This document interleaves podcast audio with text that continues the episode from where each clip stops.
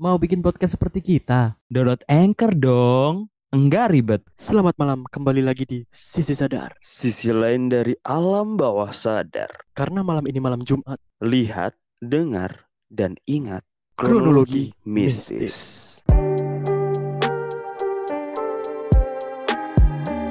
Kembali lagi di Sisi Sadar bersama saya Riz Kavara. Bersama saya Sena yang masih biasa butuh buaya.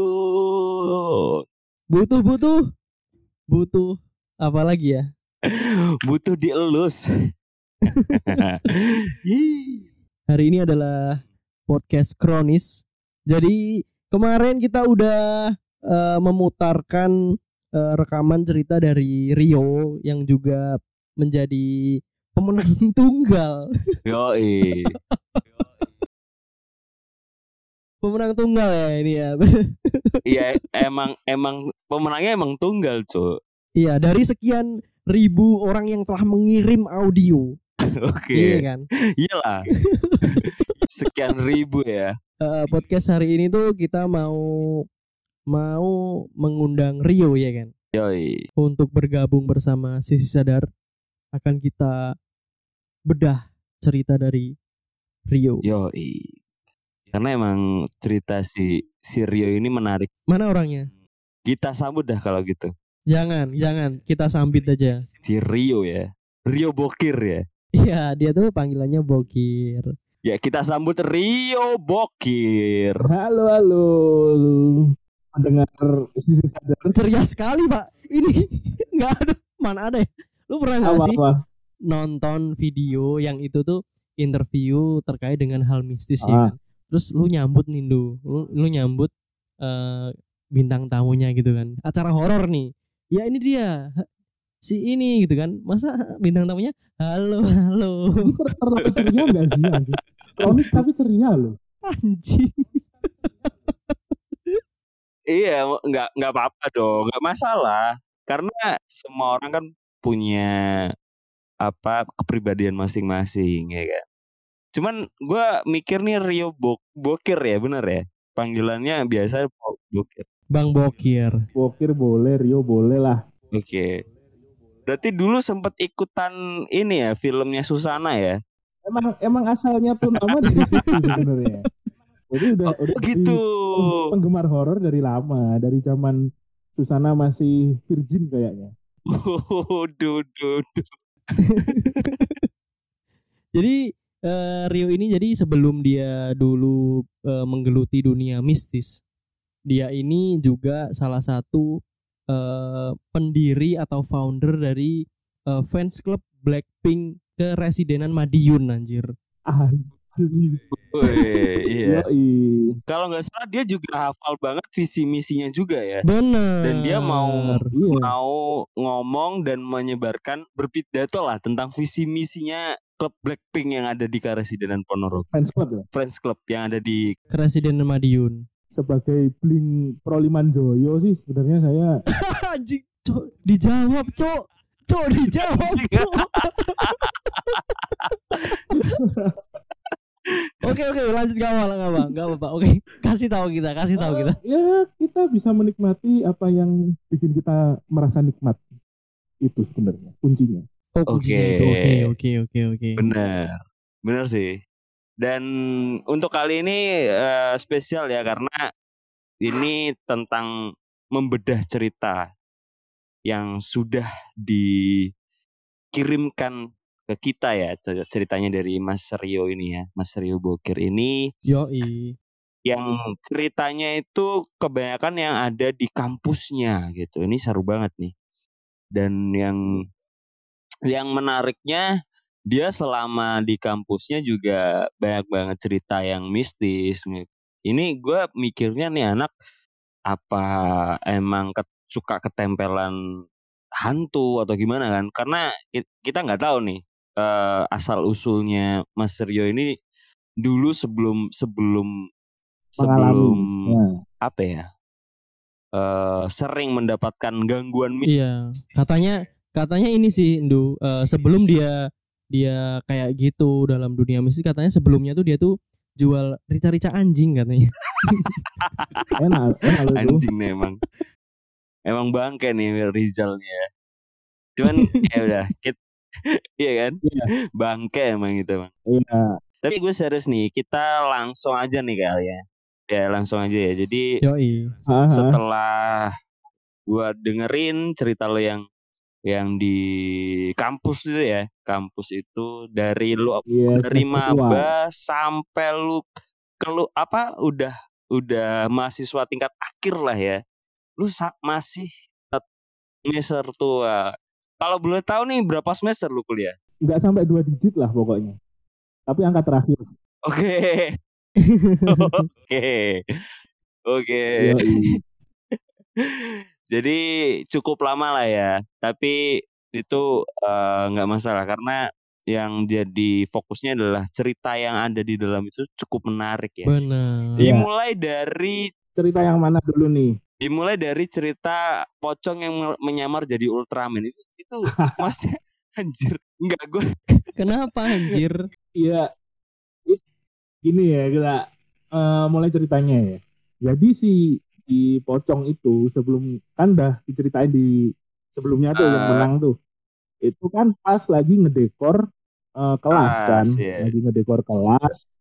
Emang buat pengambilan nilai mata kuliah itu tuh harus harus tampil bacain geguritan gitu. oke Nah, biar lebih menarik Geguritan tuh ini ya puisi Nah, apa? ah, Iya kan? Puisi, bukan sih? bahasa Jawa guritan nah biar emang anak-anak tuh suka ngedekor kayak gimana ya kalau cuman baca puisi depan kelas kan nggak ya biasalah kan ya ya itu dibikinlah panggung bikin Mm-mm. panggung ya kita main dekor-dekor aja pakai jari kemarin dibentangin awalnya tuh itu sebenarnya kan ada empat sesi ada empat minggu dibagi-bagi. Nah itu pas minggu ketiga lah pokoknya. Itu kita ngedekor dari kemarin kok dekornya cuma jari. Kita kasihlah maskot gitu. Kita kasih apa ya? Kita kasih kupu-kupu biar biar ada maskotnya di tengah oke. gitu intinya. Nah, itu pun sebenarnya anak-anak tuh udah habis masang itu kupu-kupu di tengah. Lumayan gede loh, itu satu meteran lebih. Terus pada ngomong, itu nanti kalau si kupu-kupu tuh noleh, kita lari loh satu kelas.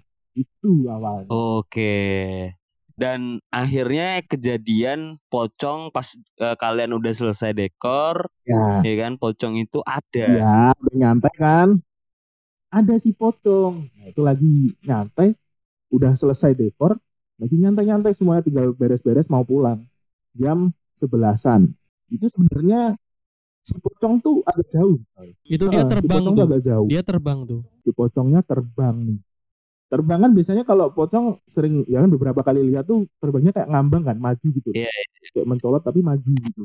Kan gitu. Nah, itu si pocong terbangnya lurus vertikal ke atas oke karena dari jauh kan. Oh kayak roket ya berarti ya? Heeh, kayak kayak roket. Heeh, kayak roket. Itu lagi naik ke atas, cukup tinggi. Jadi lapangan basket ada di bawah, kelasnya di atas tuh si pocong udah tinggi lah, paling kira-kira Oke. ya 5 meter 6 meter kan. Nah di belakang tuh lagi bulan purnama, lagi padang bulan. Si pocong bener-bener gitu kayak, kayak kan pocong harusnya Wah mendukung di- banget tuh suasananya tuh berarti ya. creepy creepy coy. Nah itu tangannya kan biasanya apa ya sedakep kalau bahasa Jawa ya. kan di dada. Itu ngebentang yang merebahkan Oke, sayap-sayapnya. Kok aneh ya? Kok kok Iya bentar Cuk. ngebentang. Kok aneh Cuk? Udah udah kayak mumun. Lu pernah lihat mumun pas lagi Oh lagi, yoi yoi bener lagi banget bener terbang. banget. Heeh. Dia lagi cosplay jadi sugar glider tuh, tahu kan? Goblok. Dia kayak gitu, cuy. Dia naik ke atas, terbang nih. Kan panik tuh. Aku lihat-lihatan sama temanku. Nah, itu pas dilihat tuh matanya tuh merah. Kayak kayak nembak laser gitu, kayak Superman gitu. Oh berarti itu si Jeffrey tuh bukan Mumun bro. Iya, merah. Kalau Mumun lasernya hijau ya. iya benar. yo yo Udah itu si pocong terbang vertikal ya udah kayak ya itu. Ngapa dilamain Ultraman? Ya kan dia terbang vertikal, tangannya ke atas. Cak! Terus pulang. Terus hilang. Oke, itu itu berarti eh, awal-awal kuliah ya cerita-cerita di awal Iya, kuliah. semester 2 lah tuh. Oh, semester awal. 2, oke. Jadi eh, dan itu masih di kampus utama atau udah pindah di kampus yang Oh, itu di di kampus cabang. Kampus cabang tuh yang tak ceritain kemarin. Oh, yang pocong Oh itu. KB itu ya berarti kak Iya. di KB ya berarti ya. Kok KB? Kan kampus cabang. KC dong. Cabang kampus bang. Gitu Iya. dong. Iya nih anak nih, Kok connect nih, ya? Connect connect connect. connect. lu yang nggak connect anjing. Zal bangke apa gue nih ap- ngomong apaan nih anak cuman eh, oke balik lagi ya ke pocong ini ya pocong ini eh Iya gimana Ab- Abang Sena gimana tanggapannya gue kira-kira? ngelihatnya emang eh setahu gue ya pocong itu memang sebenarnya eh kalau ada yang ngomong pocong itu adalah dia sering loncat-loncat itu sebenarnya enggak sih jadi tetap makhluk halus tuh sebenarnya mereka juga bisa eh, terbang bisa jadi melayang lebih melayang ya bukan? Iya, maksudnya kalau ada yang bilang kalau lu dikejar sama pocong lu harus uh, zigzag gitu ya. itu sebenarnya mitos ya. Enggak lah. mitos itu. Ya tetap enggak enggak zigzag Iya. dong, enggak zigzag. Itu dong. melakukan Kenapa kita jadi yang repot, Pak? Selengkat aja udah. Iya, maksudnya iya iya juga sih bener. Kalau enggak lu sliding udah selesai. Ah, Bener. iya kan? Iya kan? Tapi sebenarnya enggak. Jadi pocong ini sebenarnya sama dengan masuk makhluk halus yang lain, mereka juga bisa terbang, bisa menghilang dan bisa muncul di mana aja gitu. Hmm. sesuai dengan eh ya emang daerahnya daerahnya sendiri gitu Iya. dan gue ngelihatnya kalau pocong itu yang eh, mungkin ya mungkin merasa terganggu ketika kalian kalian mendekor itu dan eh, entah atau ada siapa yang di dalam sana yang melakukan ya mungkin eh, bicara kotor biasa misal ya atau yang sering-sering kayak gitu sih biasanya bicara kotor atau tindakan asusila mungkin ya lu nggak tahu kan tempat di situ pas Iya. malam ada siapa yang di ya kan mungkin bukan dari kalian mungkin daerah situ ada yang melakukan tindakan asusila dan akhirnya si pocongnya datang gitu keluar gitu dan menunjukkan penampakannya di depan kalian. Sebenarnya eh, kalau seperti itu itu hal yang lumrah dan itu hal yang biasa asal dia tidak sampai eh, mengganggu istilahnya tidak menampakkan diri atau merusak ya ada yang sampai kesurupan atau gimana itu eh masih masih dalam toleransi lah. Cuman kalau cuman menampakkan diri itu sebenarnya hal yang biasa. Dan oke, jadi cerita yang selanjutnya itu kan kalian eh, udah pindah di kampus yang sudah lama tidak terpakai ya. Iya, Iya kan? sebenarnya kan masih wirawiri ya sama ke kampus pusat juga sebenarnya. Tapi emang Oh, emang gitu. lebih sering di kampus itu, kampus cabang. Kampus coy, Nah, bukan Gua- kampus. gue mau ini sih. Jadi ada yang ada sosok yang di mana waktu itu hujan ya kan, hujan deras dan Ah. di dalam ruangan kelas itu kan tiba-tiba ada sosok kepala yang jatuh dari Iya. dari atas dan kalian sebut itu adalah setan sampo kalau nggak salah ya. Iya Kenapa? sih? Dia keramas atau Iya. apa anjir? Bukan. Hantu kepala plafon. Iya, Hantu kepala plafon. hantu kela- kela- kepala plafon. Oke. Yoi. itu eh itu cukup menarik juga sih karena dia menampakkan diri di depan banyak orang dan Kelas. dilihat Iya, ya di dalam kelas. kelas apalagi ya kan Hmm. eh, dan dilihat oleh teman lima orang lainnya ya kan Iya. S- eh, bersama ka- bersama lu kan Iya, itu bareng-bareng. menurut gua kalau itu bisa dilihat banyak orang itu salah satu tanda di mana makhluk itu makhluk halus ini ya itu punya istilahnya kekuatan yang berlebih karena energi yang di- dia keluarkan untuk eh, menampakkan Hmm. diri itu sebenarnya sangat besar gitu jadi nggak sembarang makhluk halus tuh bisa menampakkan diri gitu Tergantung kekuatannya ya kali ya bro ya. Iya kekuatan. Kalau istilahnya kalau di Naruto tuh cakra lah ya. Iya. Iya kan? Nah, seperti itulah. Iya sih, se- sering denger sebenarnya kalau yang bisa sampai nampakin diri itu, nampakin wujud tuh emang kekuatannya berlebih Berlebih. ya, mempunyai kekuatan besar makhluk Oke. itu. Heeh. Tapi kalau tak pikir-pikir mungkin dia lupa anu nyalain invisible mode mungkin. Iya dia benar. Iya, dan itu kan karena juga masih sore juga kan ya. Soalnya masih jam 4 lah. Nah, Tapi masih jam- emang kondisinya kan lagi lagi hujan deres banget yang kayak mendungnya putih gitu loh. Jadi di luar tuh udah kayak maghrib. Iya, iya, iya, paham, paham. Jadi mungkin dia juga telat jam, mungkin dia dia salah satu eh, makhluk halus yang buta angka mungkin ya, buta angka dan huruf mungkin ya. Jadi, Mungkin. jadi bisa membedakan Heeh, ini sudah malam atau tidak. Lebih ke rabun senja paling. Iya, setan senja. Oh iya, setan senja. kalau digambarin tuh mungkin mungkin dia kayak anu apa namanya kalau lu pernah zaman sekolah tidur siang bangun jam setengah enam maghrib terus lu mandi pakai seragam lagi itu mungkin kayak gitu pikirannya udah mau berangkat sekolah lagi Oh Ya, lupa iya, udah pusing, udah pusing, udah pusing. Heeh. Iya, iya, iya, iya. Tapi aku ini ini sen dari cerita cerita dari cerita si Rio nih yang paling paling apa ya ketika membuat bulu kuduku ikut naik tuh yang ketika dia itu apa ya menceritakan soal ada garetan kuku di kaca, Cuk. Oh iya, wah. Mungkin Wah, itu anjir. nanti dulu sih Zal, karena kan masih banyak cerita-cerita yang kita bahas. Nanti itu cerita utama yang bakal kita bahas. Sebelum mencapai itu mungkin, Waduh. Iya.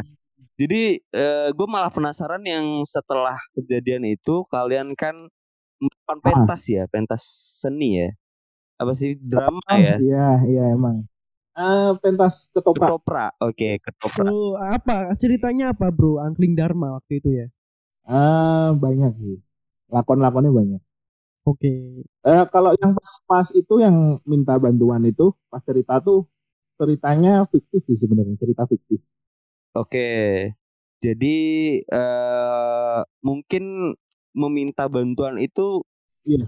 itu tidak tidak secara lang- langsung atau cuman memang asal-asalan dan si si makhluk halus itu tiba-tiba masuk ke dalam diri lu gitu.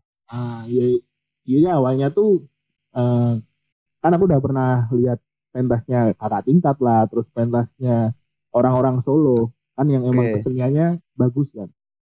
Itu udah beberapa kali lihat pentas yang benar-benar bagus. Mm-mm. dan di mana tuh temanku ada yang bisa lihat dan dia bilang tuh emang ada yang ngebantu Oke. yang ngebantu tuh apanya apa apa korinnya apa gimana enggak itu yang ada di situ Hmm. itu ngebantu buat emang membuat suasana pentas tuh lebih gimana ya kalau lu terenyuh terenyuh gitu waktu sadis sadis Hmm, hmm. Waduh, kayak waduh, bener-bener waduh, ngebantu. waduh, waduh. membentuk suasana Oke, oke, oke. gitu dan emang beberapa kali ngelihat di dokumentasi eh, orang-orang yang pentas itu kadang ke foto coy Oke. makhluk-makhluk itu dan itu ke foto di belakangnya pemeran utama. Pemeran utama. Iya. yang pas itu aku nonton pentasnya emang keren banget. Hmm. dari situlah aku aku ngide. Ngide sendiri. Kok kayaknya pentas tapi dibantu mereka makhluk-makhluk yang emang makhluk itu ada di tempat pentas itu. Jadi ya kalau dipikir-pikir kan mereka udah sering melihat orang pentas ya. Jadi emang pengalamannya tinggi mungkin di jalur pementasan gitu setelah aku ngide minta bantuan emang emang minta aja. Nah da- sebelumnya emang aku udah tanya-tanya sama teman-teman yang bisa kayak gitu. Emang bisa minta bantuan? Bisa. Ada doanya kalau enggak mantra lah. Oke. Nah, tapi pas pas gladi itu aku lupa mantranya apa. Ya udah aku fokus aja minta bantuan. Jadi ya udah meditasi lah. Oke. cara gampangnya meditasi. Tapi ya emang emang dateng coy. Hmm. emang dateng. Itu ngebantu ngebentuk gestur. Bener-bener yang awalnya duduk meditasi itu kayak punggung tuh ditekan gitu. Oke. ditekannya bukan ditekan ke bawah doang sih. Kayak kayak dibentuk bentuk kayak gesturnya pundaknya agak maju gitu ke bawah maju. Jadi emang karakternya waktu itu jadi raja tua terus sareh ngomongnya eh, Jawa halus lah ya. Tapi bininya tuh galak minta ampun. Jadi kan eh, jadi rajanya tuh dibentak-bentak si istri. Jadi kayak kayak kalem gitu melas gitu. Nah si sosok ini yang ngebantu itu udah ngebentuk gestur kayak bibir tuh juga di gimana ya? Kayak gerak bentuk bibirnya tuh dibantuin gitu loh bro. Oke. jadi kayak ngo- ngomong tuh bisa kayak kalem karen Jadi emosional ketika berperan tuh bener-bener jadi gitu ya. Emosionalnya. bener bener banget emang emang kebawa emosionalnya kebawa gesturnya cara ngomongnya itu ngebantu tapi ya itu Oke. feedbacknya timbal baliknya capeknya bener-bener capek Jadi setelah setelah lu mendapatkan itu dan eh, ketika lu berperan sebagai kakek tua lah ya itu ya waktu itu ya kalau nggak salah Ah, ah, ah. ya Iya. kan dan lu setelah setelah memerankan itu lu balik ke belakang dan lu nggak ngera dan lu ngerasa nggak kuat dengan Ah, ah. dengan bantuan itu akhirnya lu mencoba buat melepaskan diri dari makhluk halus ini ya karena emang jadi jadi emang emang belum sampai masuk sebenarnya cuman ngebantu ngebentuk gitu aja jadi bukan bukan minta dia masuk terus tak keluarin bukan belum sampai ke tahap itu Oke oke oke oke. Tapi eh gue mau eh, tanya sih sebenarnya Ah. eh, kayaknya mungkin seperti itu tuh sudah biasa ya. Iya. Eh, eh, kalau di pentas seni yang maksudnya yang pengen act out kayak gitu mungkin banyak banget yang pengen seperti itu Iya. gitu. Dulu juga sering banget Hmm. ya kan. Eh, beberapa juga mereka meng- menggunakan istilahnya gaman Iya. lah ya Dia atau eh ya itulah. Nah, seperti itu. Mungkin tipikal yang di hantu-hantu atau eh, makhluk astral yang ada di daerah situ memang sudah sering apalagi daerah pentas seni itu adalah daerah yang memang sangat sering digunakan untuk pentas seni ya. Jadi mereka membantu dan eh, memberikan efek Iya. yang lebih lah iya benar buat kalian yang ingin pentas. Karena mungkin ada dari rasa rasa emosional si pemain ataupun menjadi vibes-nya itu tuh energinya itu bercampur gitu loh bro. iya benar benar benar Bener. jadi itu mereka tuh nggak nggak cuman ngebantu secara personal ya sebenarnya jadi pas pentas pun eh, makhluk-makhluk ini sebenarnya juga bisa membangun suasana buat para penonton jadi penonton tuh bisa lebih hanyut hanyut terbawa lah ya dengan alur cerita yang disajikan. iya Itu seru juga sih, maksudnya eh itu mungkin energinya positif sih menurutku dan ya mungkin efek dari ya lelah pasti itu terjadi karena kalian diberikan energi yang di luar kemampuan kalian gitu. Jadi efeknya bakal seperti itu. Jadi lu bakal lelah, capek gitu kan, berkeringat pasti. Dan itu hal yang umum sih. iya Oke, selanjutnya mungkin cerita yang ya kita kita tunggu-tunggu lah ya karena wah itu sebenarnya cerita yang yang terakhir ya. Jadi tentang masalah ada sosok makhluk halus ya kan Hmm, yang di tengah malam eh, tiba-tiba menggoreskan kukunya ke kaca. iya Itu itu menurut gua tuh ya ya bener-bener salah satu jalan cerita yang di mana eh itu salah satu di peaknya tuh di situ.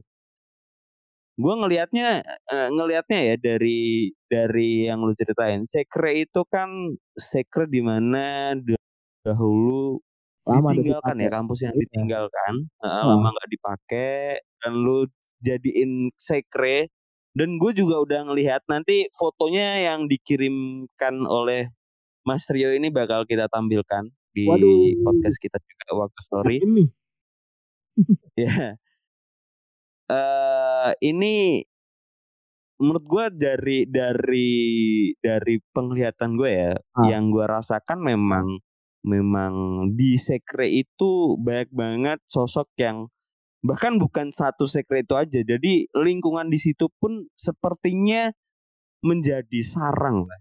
Ah, kalau dilihat dari fotonya sih memang suasananya di situ nggak ini ya kayak mencekam gitu nggak sih suasananya dari fotonya loh? Termasuk tadi si dipotong di lapangan basket tadi juga di sebelah itu saya kira Oke, make sense berarti. Jadi yang gua lihat daerah situ memang banyak banget makhluk halus yang berkeliaran. Apalagi eh, salah satu ruangan yang lu bilang eh, kamar terkutuk itu yang kalian jadikan Iya. sebagai gudang lah ya, gudang di Sekre Hmm, itu juga salah satu tempat di mana eh, makhluk halus tuh suka berkumpul di situ karena eh, daerah yang lembab apalagi ya lembab terus eh, mungkin karena itu juga eh, plafonnya pada bocor atau ya Iya. kan air gampang masuk ya. ya kan itu jadi tempat dan sarang yang paling disukai makhluk halus. Nah, eh ini juga ini juga cukup menarik ya karena eh dia sampai menggoreskan ke kaca jendela kamar terkutuk, iya kan? Nah. Gue pengen tahu nih perasaan lu ketika mungkin sudah ber ber ya sudah lama lah kalian di tidur di sekre itu mungkin eh, apakah cuman cuman itu aja maksudnya si sosok ini aja yang menggoreskan ke kaca atau ada sosok lain yang sering menampakkan diri Oke, jadi di sekre itu ya, apalagi kalau emang yang di kamar terkutuk tuh kan yang ngalamin cuman gue doang kan waktu itu. Nah, si sosok di situ tuh emang nggak cuman itu, emang banyak. oke Dan ya itu tadi nggak nggak cuman di sekrenya, nggak cuman di kamar terkutuk, emang di lingkungan situ, terlebih di kampus itu, kan tadi udah tak kirim ke Rizal ya fotonya. ya. oke Gua dilihat Abah Sena nih. Oke. Ya. Jadi si si, si pocong tadi tuh sebenarnya kalau rumor di sekitar situ itu emang ada pocong di belakang musola. Ada sumur nggak dipakai. Di situ ada pocongnya. oke Mungkin pocong yang tadi atau mungkin pocong yang lain. oke Itu udah udah rumor nggak cuma di kampus cabangnya doang, emang di warga sekitar situ rumor itu udah kenceng. iya ya eh namanya namanya kampus bro memang namanya kampus tuh di mana mana tuh kayaknya memang suasananya tuh kayak gitu deh memang Apalagi udah udah dipakai lama. Iya dan yang gue lihat juga benar dan yang gue lihat juga itu sebuah peninggalan eh, bangunan Dari- peninggalan dari zaman Belanda kali ya tahun-tahun Iya lama nggak sih? sebenarnya. Tapi mungkin mungkin nggak nggak sampai zaman Belanda. nggak semua bangunan itu Belanda cowok Anjir. Emang desainnya desain lama gitu aja sebenarnya. Emang bangunannya bangunan mungkin tahun 60-an, 80-an mungkin. Oke. Hmm, itu ya cukup cukup menarik juga sih karena yang gue lihat itu banyak banget ya eh, makhluk astral yang ada di situ. Cuman yang hanya beberapa makhluk yang dia bisa memunculkan diri, apalagi sampai menggoreskan itu tadi. Dan menariknya adalah yang lu bilang goresan di kaca itu jumlah jarinya Nah. itu tidak sama dengan manusia Ah. pada umumnya jumlahnya adalah enam, ya kan. Nah, gua gua menafsirkan kalau sebenarnya ya makhluk halus itu Hmm. mereka tidak bisa menyerupai seutuhnya manusia. Jadi ah, jadi mereka akan membentuk membentuk eh, dirinya menurut porsinya dia agar terlihat seram. Jadi eh, mungkin dengan lima jari eh enam jari itu yang digoreskan ke kaca ini ya itu menjadi lebih lebih menakutkan. Apalagi ketika kalian ketakutan ya kan di dalam situ di daerah situ ya itu menjadi energi yang sangat mereka butuhkan karena mereka memakan itu. Oh, jadi itu kayak ketakutan tuh jadi kayak makanan mereka gitu ya. Yoi, semakin orang takut dia tuh kayaknya eh, lebih kuat ya. benar benar itu juga sangat cukup cukup ya apalagi dia sampai menggoreskan lah ya menggoreskan ke Itu itu emang creepy banget sih. Jadi suaranya emang sekencang Hmm. itu. Aku di di kamar terkutuk tuh dengernya sekencang itu, tapi teman-teman nggak ada yang denger. Oke, emang emang ini sih. Eh dan terlebih lu sebelum kejadian itu kan melakukan hal yang sebenarnya Iya kan? Iya kan? Iya, 17 iya, 18 plus lah ya. Itu juga ya, dari itu itu yang bikin takut kalau kukunya aja bisa ngegores di kaca sekencang itu suaranya dia tuh ngapain mau masuk apa dia mau bantuin gue pakai tangan Ya kali handjob berkuku tangan enam jari kan putus dok putus Bala ada orang tolol yang bacol. di handjob kunti itu ngeri Dok. mungkin Rizal bisa bantu lu sih sebenarnya. Dia cukup lihai sih dalam handjob gitu kan. Kenapa jadi gua anjir? Jadi dia mah pro player Rizal sih pro player ya Enggak masalahnya dia tuh ya mungkin karena itu ya dia udah suasananya kayak Benar. gitu terus ditambah dia itu kan melakukan hal yang Ah. tidak senonoh ya kan. Sebenarnya kalau kalau aku kalau aku ini ya dari beberapa cerita tuh memang eh, kalau misal ada orang yang berdua-duaan kayak gitu mereka kan pasti ditunjukin tuh dihantui kan berarti kan sebenarnya mereka juga nggak suka kalau tempat tinggalnya itu dibuat hal-hal yang tidak bener sama manusia gitu cu Bener. Iya kan emang emang sering kan Eh, kalau ada cewek cowok yang ketiga setan gitu loh Benar. Nah, itu. Tapi aku sendiri, Zal. Aku sendiri loh. Iya, sendiri, Cok. Lu kan ngocok anjir.